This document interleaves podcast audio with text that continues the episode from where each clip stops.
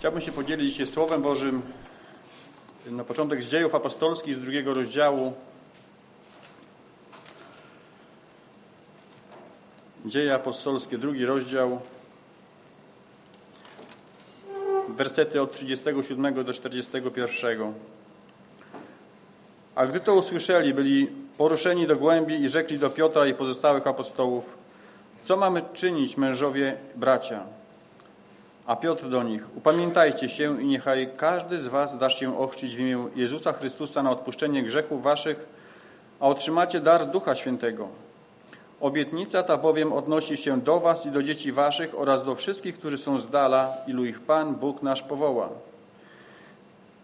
Wielu też innymi słowy składał świadectwo i napominał ich, mówiąc, ratujcie się spośród tego pokolenia przewrotnego.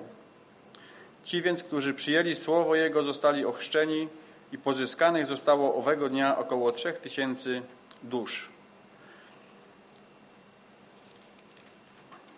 To jest pierwsze kazanie, które zostało wygłoszone po zesłaniu Ducha Świętego. Wiemy, że kiedy Pan Jezus został po swojej śmierci, po zmartwychwstaniu, yy, miał ten, był ten czas, kiedy spędzał ten czas z uczniami swoimi, a potem, kiedy został yy, wzięty do nieba na obłokach, to miał jeszcze z uczniami swoimi taką rozmowę i mówi do nich, żeby nigdzie nie wychodzili i nic nie robili, robili tak długo, aż zostaną napełnieni Duchem Świętym, aż zostaną ochrzczeni Duchem Świętym. I w drugim rozdziale czytamy o tym, że kiedy uczniowie byli razem, na jednym miejscu, a więc wierzę, że to był taki czas, kiedy uczniowie spotykali się razem i się modlili i oczekiwali na wypełnienie się obietnicy Bożej. I jest napisane, że kiedy Duch Święty stąpił, to stało się to nagle. Jest wiele rzeczy, które dzieją się w życiu nagle.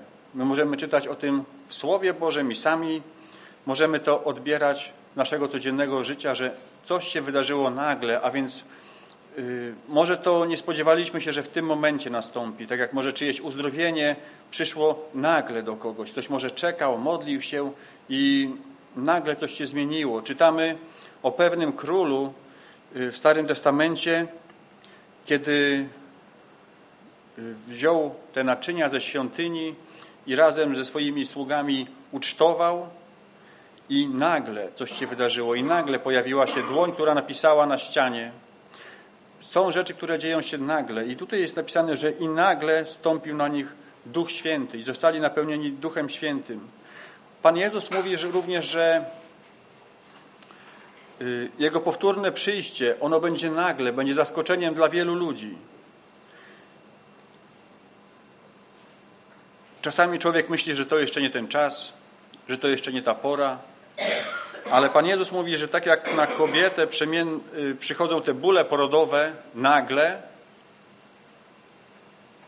nagle, takie przyjście Pańskie będzie nagle, dlatego że też jest napisane, że i wielu będzie zaskoczonych. A więc to, że coś się dzieje nagle, więc powinniśmy być czujni, powinniśmy oczekiwać. I tak właśnie oczekiwali uczniowie na wypełnienie się Bożej obietnicy i została ona wypełniona. I kiedy zostali ochrzczeni Duchem Świętym i działy się te różne znaki, była mowa w językach i niektórzy się z nich naśmiewali, że, to są, że oni są pijani, że młodym winem się upili. I wtedy apostoł Piotr wstał wraz z jedenastoma i wygłosił to pierwsze kazanie. To jest to pierwsze nauczanie, nie jest ono długie, ale w tym kazaniu jest bardzo wiele ujęte. Jest cała Ewangelia ujęta. I kiedy zaczęliśmy tutaj czytać od tego fragmentu 37 wersetu, to czytamy, że ci, którzy usłyszeli, którzy słuchali tego, tego kazania, tego nauczania, oni byli poruszeni, do głębi poruszeni i zaczęli pytać, co mamy czynić mężowie, bracia. Kiedy czytamy całe to kazanie, to wcześniej widzimy, że apostoł Piotr mówi o tym, co się wydarzyło, że Pan Jezus y, został ukrzyżowany, że stało się to według powziętego z góry Bożego postanowienia, a więc Przed założeniem świata Bóg już to postanowił, że Jezus Chrystus umrze na krzyżu. Ale jest napisane również, że tego wyście rękami bezbożnych ukrzyżowali i zabili. Jest taka pieśń, która mówi to, nie gwoździe Cię przybiły, lecz mój grzech. I kiedy byśmy zastanawiali się, dlaczego Pan Jezus poszedł na ten krzyż, dlaczego Pan Jezus został zabity, ukrzyżowany na tym krzyżu, tak męczeńską śmiercią, dlaczego to musiało się wydarzyć, to wiemy o tym, że przede wszystkim była to dobrowolna ofiara. Nikt nie mógł tak naprawdę Pana Jezusa do tego zmusić, nikt nie mógł w żaden sposób na Niego wpłynąć, ale to była dobrowolna ofiara, którą złożył Pan Jezus. Boże Słowo nam mówi o Bożej miłości, że Bóg tak umiłował świat, że Syna swojego jednorodzonego dał, aby każdy, kto w Niego wierzy, nie zginął. I Pan Jezus dał się ukrzyżować człowiekowi, temu słabemu człowiekowi. Pozwolił, żeby go ten słaby człowiek bił, żeby go opluwał, żeby włożono na niego koronę cierniową, żeby cierpiał na krzyżu. Na to wszystko pozwolił Bóg, żeby to wszystko się stało. A mógł jednym słowem unicestwić ich wszystkich, ale jednak pozwolił na to wszystko. A dlaczego tak pozwolił? A pozwolił tak dlatego, że my, grzeszni ludzie, byliśmy zgubieni. I dlatego tak się stało, aby nas uratować. To jest jedyna ofiara na świecie, jedyny pośrednik na świecie między człowiekiem a Bogiem. Jedyna ofiara, którą Bóg mógł przyjąć, to jest ta jedyna doskonała ofiara, jedyna doskonała zapłata, którą Pan Jezus złożył za nasze grzechy, za nasze winy. Kiedy Pan Jezus był ukrzyżowany, był przybity do krzyża, po lewej jego i prawej stronie byli również ukrzyżowani dwaj ludzie. Jeden był takim prześmiewcą, nawet w ostatniej chwili swojego życia bluźnił przeciwko Bogu. A natomiast drugi powiedział, dlaczego to robisz? My tutaj wisimy za taką sprawiedliwą karę. Nam się to należało, żebyśmy tu byli przybici do tego krzyża. Ale On nie. On jest sprawiedliwy. Nawet w ostatniej chwili swojego życia ten jeden szydził, a drugi zobaczył, że on zasłużył na karę śmierci. I bracia i siostry i wszyscy tu jest zgromadzeni, możemy powiedzieć, że my wszyscy zasłużyliśmy na karę śmierci. A tą karą śmierci to jest wieczne oddzielenie od naszego Boga. To właśnie z powodu grzechów naszych zostaliśmy oddzieleni od Boga i to właśnie z powodów grzechów naszych Pan Jezus poszedł na krzyż i tam wycierpiał i umarł na krzyżu. I kiedy ci, którzy byli zgromadzeni wobec, wokół uczniów w tym dniu pięćdziesiątnicy, kiedy został wylany Duch Święty i kiedy oni usłyszeli te słowa, to byli poruszeni do głębi, jest napisane. I zapytali, co mamy czynić mężowie bracia? Co mamy czynić? A więc oni byli przekonani, że uczynili coś okropnego, coś okrutnego. I pytanie, które zadają, co mamy czynić, to jest pytanie, które możemy również zadać sobie i powiedzieć, czy jest dla nas ratunek jeszcze? Po tym wszystkim, co uczyniliśmy, po tym wszystkim, co zrobiliśmy, czy jest dla nas jakaś szansa, jakieś wyjście z tej okrutnej, okropnej sytuacji, w której jesteśmy? Przecież Bóg gniewa się na nas za to, co zrobiliśmy. A więc czy jest jakaś nadzieja? I wtedy apostoł Piotr mówi do nich, upamiętajcie się i niechaj się każdy z was da ochrzcić w imię Jezusa Chrystusa na odpuszczenie grzechów waszych, a otrzymacie dar Ducha Świętego. Upamiętajcie się.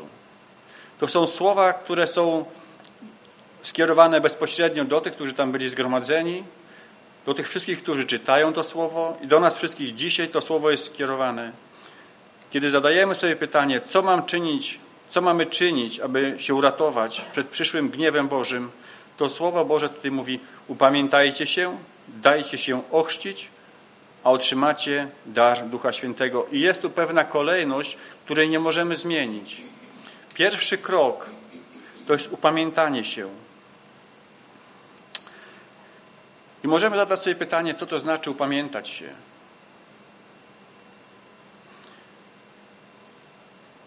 Pamiętam, że kiedyś chodziłem czasami do spowiedzi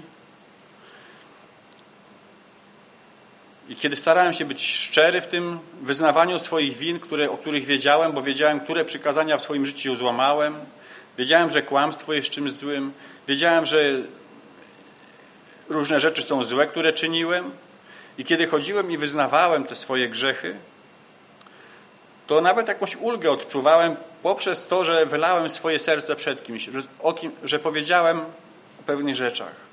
Ale to było bardzo chwilowe. To było takie tylko odczucie moje. A więc upamiętanie to nie jest to samo, co spowiedź. Spowiedź nic do naszego życia nie wnosi. Człowiek się może spowiadać nawet codziennie, ale jeśli się nie upamiętał, nadal jest zgubiony. Czasami ludzie mają jakieś takie uczucia, głębokie uczucia, można powiedzieć, płaczą, mając świadomość tego, że coś uczynił źle, nie może sobie poradzić, ma te e, uczucia, emocje, ale to również jeszcze nie jest upamiętanie. Księdze Ród jest taki obraz upamiętania. tak przedstawię po trochu tą księgę, opowiem o czym ona jest, mówi o kim ona opowiada. Są tutaj takie postacie Noemi, jej mąż i dwaj synowie, którzy mieszkali w Betlejemie Judzkim. I w czasie, kiedy w tym Betlejemie Judzkim zapanował głód, to ta rodzina udała się do ziemi moabskiej. Tam zamieszkali, tam synowie się pożenili z tymi Moabitkami. Ale tam również wydarzyły się bardzo smutne sytuacje dla tej rodziny. Mąż Noemi zmarł, jej synowie, synowie również zmarli i wtedy Noemi usłyszała, że w Betlejemie judzkim Bóg na nowo się zlitował i jest pokarm. I Noemi wtedy sobie pomyślała, że wrócę do swojego domu, do swojej ojczyzny. I podzieliła się tym, tą myślą ze swoimi synowymi, z Rut i Orpą. Kiedy im o tym powiedziała, obie za, za bardzo, bardzo za głośno zapłakały i powiedziały, my też z Tobą pójdziemy do tej ziemi judzkiej, do, tej, do tego Betlejemu judzkiego, my też z Tobą się tam udamy. I głośno płakały. I Noemi odradzała im, zniechęcała w jakiś sposób, powiedziała, że ja już wam nic nie mogę dać żebyście nie marnowały sobie życia, bo jeszcze jesteście młode, możecie tutaj sobie założyć na nowo rodziny. Ja już wam po raz drugi synów nie dam, z którymi byście się mogli ożenić. A więc w jakiś sposób zniechęcała te synowe. Jednak one bardzo głośno płakały i. mówiły, że jednak pójdą. Ale w pewnym momencie jedna z nich, Orpa, ona ucałowała swoją teściową i wróciła do, do Moabu, do swojego domu. Natomiast Rut poszła z Noemi do tego Betlejemu judzkiego. I to jest właśnie pewien obraz.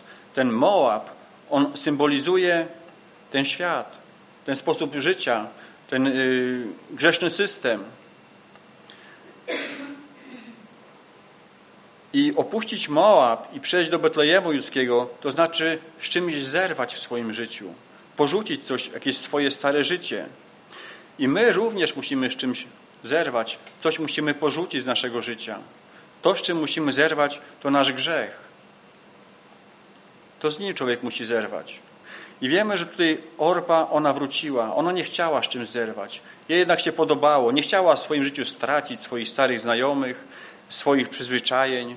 Jednak opuszczenie takiego domu, takiej, takiej krainy wiązało się z tym, że zerwie ze swoimi tradycjami, zerwie ze swoimi znajomościami, z tym, w czym się wychowała, w tej kulturze, w której się wychowała, z tym bałwochwalstwem, którym się wychowała, że ona będzie musiała z tym zerwać.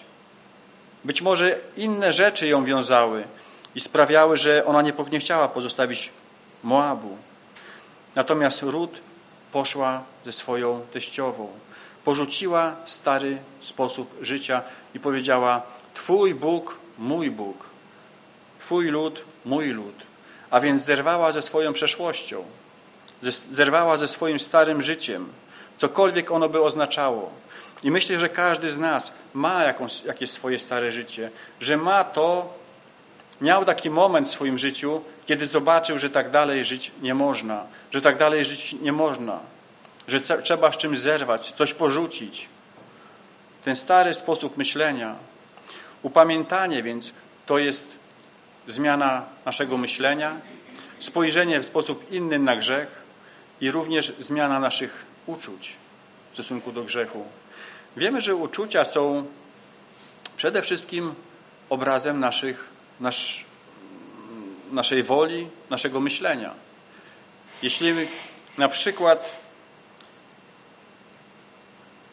spotykamy jakiegoś obcokrajowca, na przykład słyszałem, że Włosi, że Włosi y, warzywa, tak jak my na przykład y, kisimy kapustę, to Włosi mówią, że to jest coś zepsutego. Oni tego nie jedzą, bo to mają w swoim myśleniu. Człowiek w Polsce będzie jadł tą kapustę, będzie się zadawalał tą kapustą, mówi, że bardzo dobra ta kapusta kiszona. Natomiast, natomiast dla obcokrajowca może być to już w jego myśleniu negatywnie będzie nastawiony, negatywne będzie miał odczucia, bo będzie tak został wychowany i będzie mówił, że to jest zepsute. Dla nas to jest dobre, dla niego będzie zepsute. A więc nasze uczucia są również wynikiem naszych myśli. A więc tak jak ja myślę o grzechu, jeśli będę myślał, że to jest przyjemne wciąż dla mnie, to nigdy z tym grzechem się nie rozprawię. Ale jeśli będę myślał w sposób taki, jak Bóg patrzy na grzech, jako na pewną barierę, na bunt człowieka i stosunek Boga do grzechu, będę myślał w ten sposób, to i moje uczucia również będą inne. Będę miał przeciwne uczucia. Nie będę miał w tym upodobania, będę miał w tym do tego nienawiść. I to jest bardzo ważne w upamiętaniu. Aby mieć w nienawiści swoje grzechy, aby mieć w nienawiści to, co Bóg ma w nienawiści. A więc upamiętanie to coś więcej niż tylko uczucia, emocje, ale to jest również przede wszystkim przemiana myślenia i przemiana serca ludzkiego.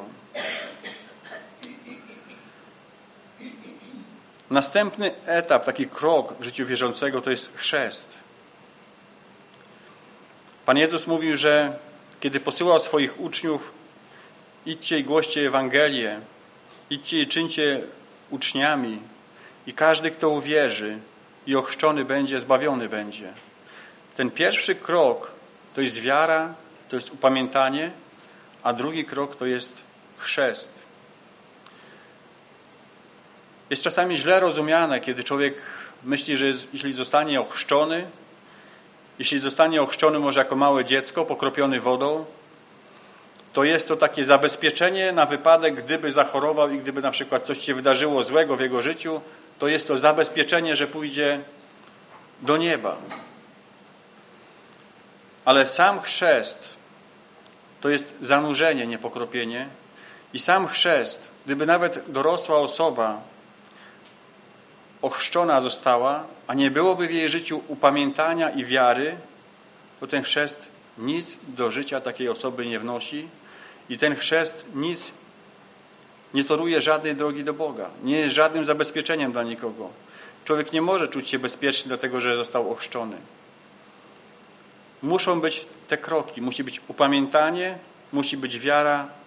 Kolejny krok to jest chrzest. Gdybyśmy chcieli zobrazować, czym jest chrzest, apostoł Paweł w liście do Rzymian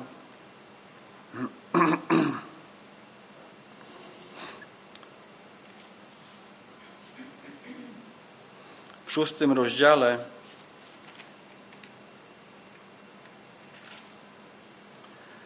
dziesiąty, jedenasty werset. Umarłszy bowiem dla grzechu raz na zawsze umarł, a żyjąc żyje dla Boga. Podobnie i wy uważajcie siebie za umarłych dla grzechu, a za żyjących dla Boga w Chrystusie Jezusie, Panu naszym. Niechże więc nie panuje grzech w śmiertelnym ciele waszym, abyście nie byli posłuszni porządliwościom Jego. Czym jest chrzest? Chrzest jest wyrazem tego, co się wydarzyło w sercu człowieka. Chrzest przez zanurzenie, on pokazuje nam, jest to wyznanie naszej wiary przed ludźmi, przed Bogiem, przed światem widzialnym i niewidzialnym, przed wierznościami duchowymi. Jest to moje wyznanie wiary w Pana Jezusa Chrystusa i moje wyznanie tego, co się wydarzyło w moim życiu. Kiedy człowiek upamiętał się, kiedy człowiek powierzył swoje życie Bogu, Panu Jezusowi Chrystusowi, to następny krok, jaki czyni, to jest chrzest. Kiedy człowiek przystępuje do chrztu i jest zanurzany w wodzie, to jest taki, taki dla nas wszystkich obraz. Coś się zmienia w taki obrazowy sposób. Umarłem, wchodzę do wody, umarłem dla swojego starego życia. Umarłem dla swojego starego sposobu myślenia. A kiedy wstaję z tej wody, to tak jakbym wstawał z grobu. Już nie jako grzeszny człowiek, ale tak jak tutaj jest napisane, że umarłem, ale teraz wstaję do nowego życia. Nie aby żyć dla siebie dalej, aby żyć dla Boga. To jest ta przemiana. Człowiek, kiedy słyszy Ewangelię i słyszy o tym ratunku, o potrzebie upamiętania i chrztu,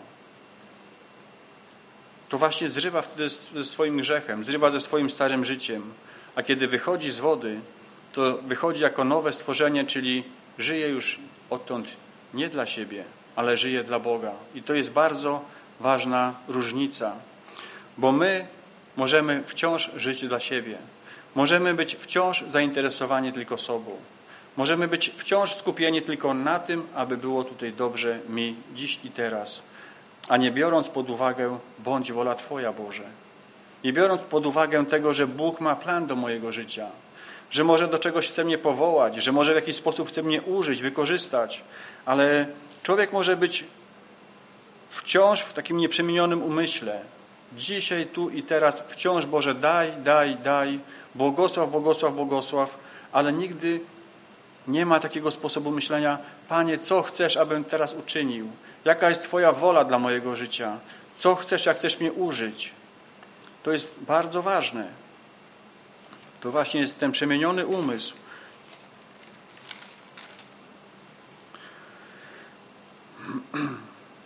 Co czyni jeszcze upamiętanie? Co czyni śmierć Pana Jezusa na krzyżu? Ona nas jedna. Ona nas jedna z Bogiem i jedna z ludźmi. Kiedy czytamy dalej dzieje apostolskie i widzimy, że po tym kazaniu, które zostało wygłoszone przez apostoła Piotra, to jest napisane, że ci, którzy przyjęli to słowo, zostali ochrzczeni i pozyskanych zostało owego dnia około trzech tysięcy dusz.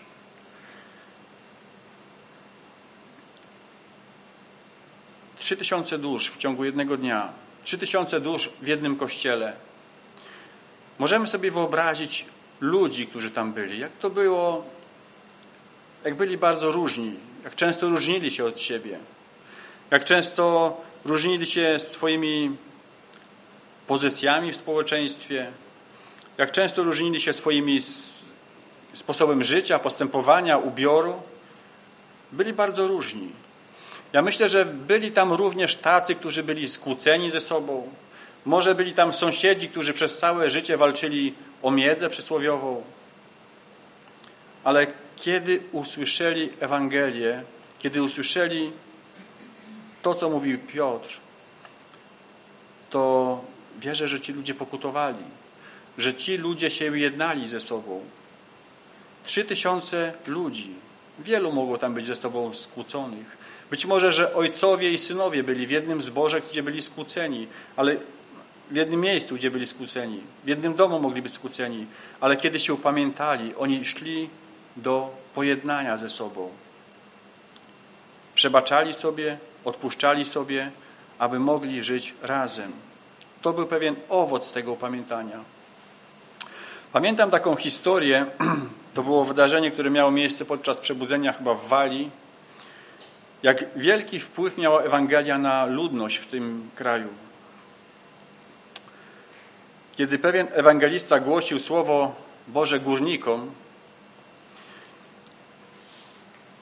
ci ludzie bardzo źle, źle żyli. W większości to byli ludzie, którzy bardzo często nadużywali alkoholu, przeklinali. Zwierzęta, którym, którymi pracowali w kopalni, były bite, znęcano się nad tymi zwierzętami, wyżywano się na tych zwierzętach. Często między sobą bili się, prowadzili jakieś bójki. Ale kiedy Słowo Boże tam było zwiastowane i ci ludzie się nawrócili, ich życie było bardzo zmieniane, przemieniane. Także nawet dochodziło do tego, że ci górnicy, kiedy przestawali pić, kiedy przestawali przeklinać, kiedy przestawali znęcać się nad tymi zwierzętami, to było tak, że nawet te zwierzęta musiały się od nowa uczyć pracować z tymi ludźmi, bo do tej pory to, były, to było bicie, to było przekleństwa i one tylko ten język znały, te zwierzęta. A kiedy się ci ludzie nawrócili, to te zwierzęta były traktowane zupełnie inaczej. Więc musiały, musiały się uczyć na nowo pracować z górnikami poprzez łagodność, poprzez normalne słowa, nieprzekleństwa. A więc upamiętanie to jest zmiana naszego myślenia i naszego życia. A chrzest jest wyrazem tego. A potem czytamy i otrzymacie dar Ducha Świętego. Obietnica ta bowiem odnosi się do was i do dzieci waszych oraz do, oraz do wszystkich, którzy są z dala, ilu ich Pan Bóg nasz powoła.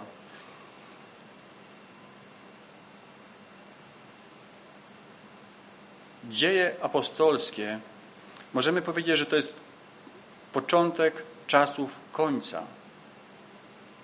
Bo jest napisane, y, Joel prorokował, że w czasach ostatecznych, w dniach ostatecznych wyleję ducha swojego. I właśnie w, w dniu pięćdziesiątnicy, kiedy został Duch Święty wylany i wierzący byli ochrzczeni tym Duchem Świętym, to rozpoczęły się te dni końca, czasy ostateczne. I ktoś może powiedzieć, to było przeszło dwa tysiące lat temu. I nic się takiego nie wydarzyło. Pan Jezus nie powrócił po swój Kościół. Czasy się nie skończyły.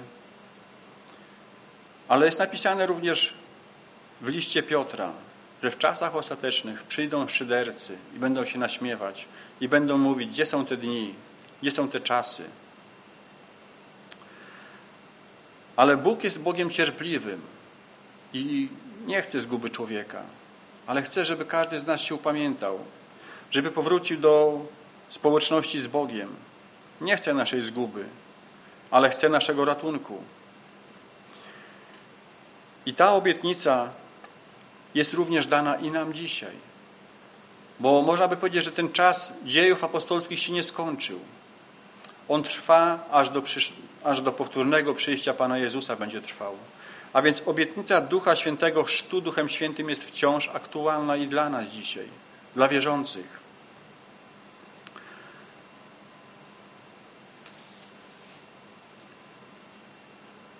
W Ewangelii Mateusza w czwartym rozdziale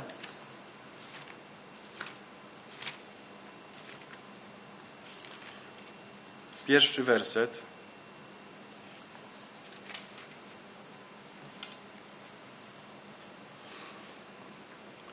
Kiedy czytamy, że kiedy Pan Jezus przyszedł do, nad Jordan do Jana i został ochrzczony Duchem Świętym, który stąpił na niego w postaci gołębicy i był słyszany ten głos, ten jest Syn mój umiłowany, którego sobie upodobałem, to czytamy, że wtedy Duch zaprowadził Jezusa na pustynię, aby go kusił diabeł. Czasami można, może człowiek mieć różne wyobrażenia na temat Ducha Świętego, po co dany jest Duch Święty, jaki jest cel Ducha Świętego. Oczywiście wiemy, że Duch Święty jest tym, który nas wprowadza we wszelką prawdę. Duch Święty jest tym, który nas pociesza w naszych utrapieniach. Ale Duch Święty jest tym również, który mówi. I a skoro mówi do nas Duch Święty, to również wymaga pewnej reakcji z naszej strony. Tutaj czytamy, że wtedy Duch zaprowadził Jezusa na pustynię.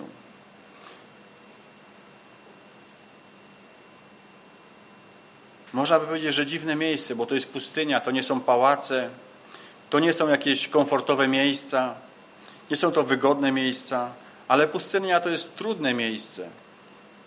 To jest miejsce próby i doświadczenia. I tam zaprowadził go Duch Święty. A więc kiedy my w swoim życiu mamy wybór,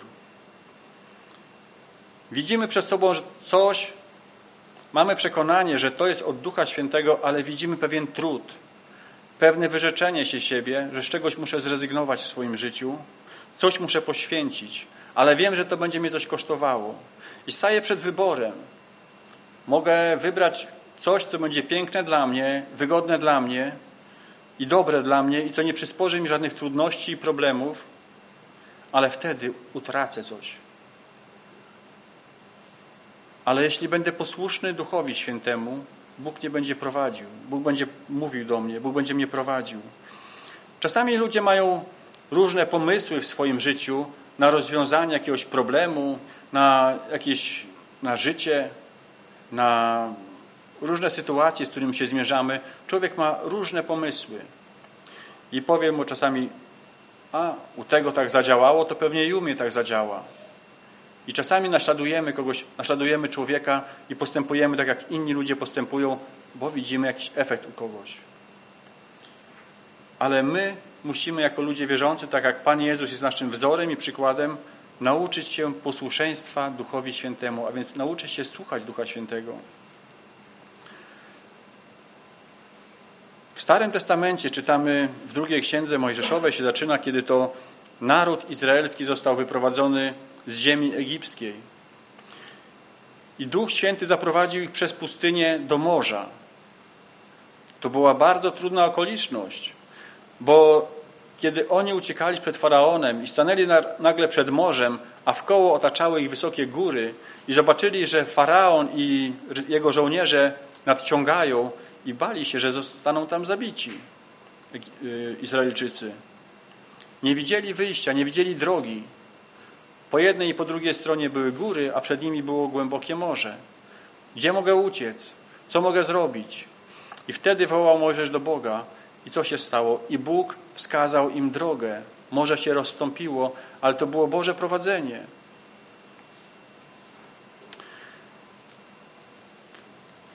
W czwartej księdze Mojżeszowej, 33 rozdział, 10 werset.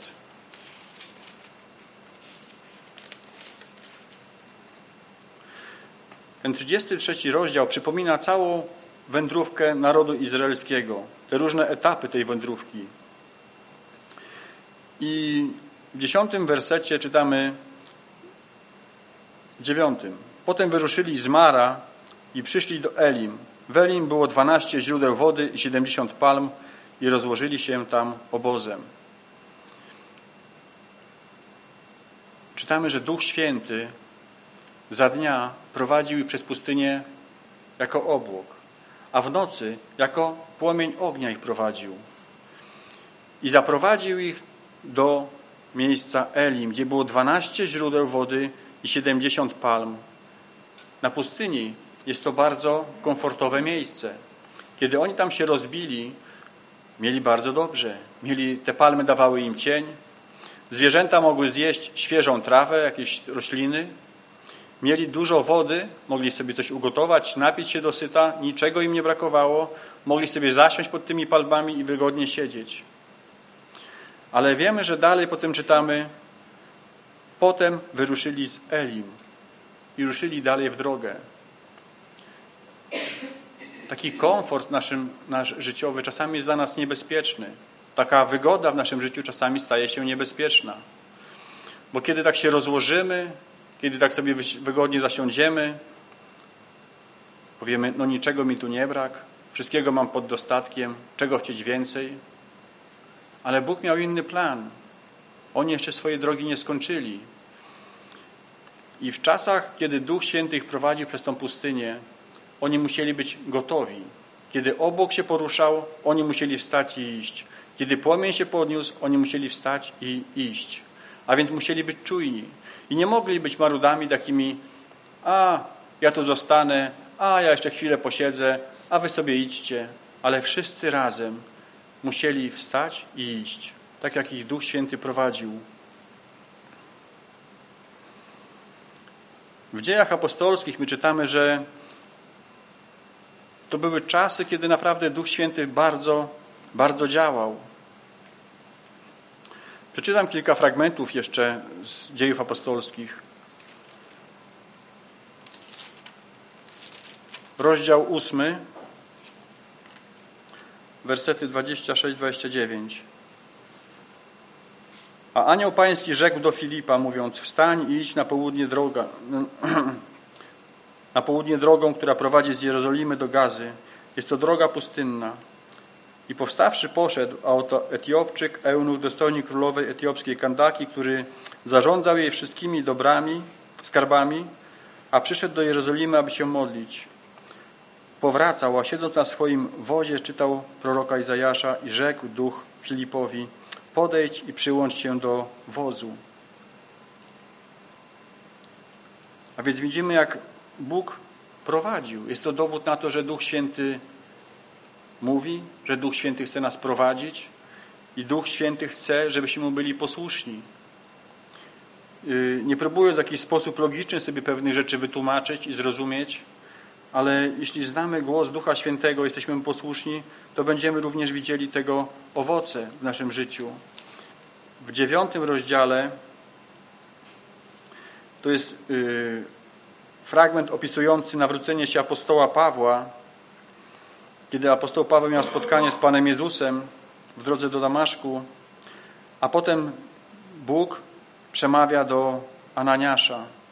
A był w Damaszku pewien uczeń imieniem Ananiasz i rzekł Pan do niego w widzeniu Ananiaszu. On zaś rzekł, oto ja, Panie. Pan zaś do niego, wstań i idź na ulicę prostą i zapytaj w domu Judy o Saula Starsu. Oto właśnie się modli.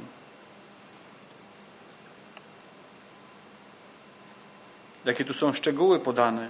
Idź na ulicę prostą i zapytaj w domu Judy o Saula Starsu. A więc Ananiasz nie musiał myśleć, nie musiał nic wymyślać, nie musiał nic się dowypytywać, ale miał konkretną wskazówkę, co ma zrobić, gdzie ma się udać, w konkretne miejsce. W dziesiątym rozdziale, dziewiętnasty werset To jest fragment, który mówi o tym, że w czasie modlitwy apostoł Piotr miał widzenie tych zwierząt, które zostały spuszczone do niego, tych zwierząt nieczystych. I wtedy tego widzenia jeszcze nie rozumiał, a za chwilę usłyszał, że ktoś puka do drzwi i uczniowie y, otworzyli tym ludziom drzwi i tam była jakaś rozmowa i wtedy Piotr usłyszał takie słowa a gdy Piotr zastanawiał się jeszcze nad widzeniem, rzekł mu duch, oto szukają cię trzej mężowie, wstań, przetop, zejdź i udaj się z nimi bez wahania, bo ja ich posłałem. A więc apostołowie, oni byli po pierwsze znali głos Ducha Świętego, nie błądzili, rozeznawali ten głos i byli mu posłuszni. W dziejach apostolskich w 13 jeszcze rozdziale od pierwszego do czwartego w Antiochii, w tamtejszym zborze byli prorokami i nauczycielami Barnaba i Symeon, zwany Niger, i Lucjusz Cyrenajczyk i Manael, który się wychował razem z Herodem, tetrarchą i Saul. A gdy oni odprawiali służbę pańską i pościli, rzekł Duch Święty, odłączcie mi Barnabę i Saula do tego dzieła, do którego ich powołałem. Wtedy po odprawieniu postów i modlitwy nałożyli na nich ręce i wyprawili ich. Jeszcze jeden fragment z 16 rozdziału.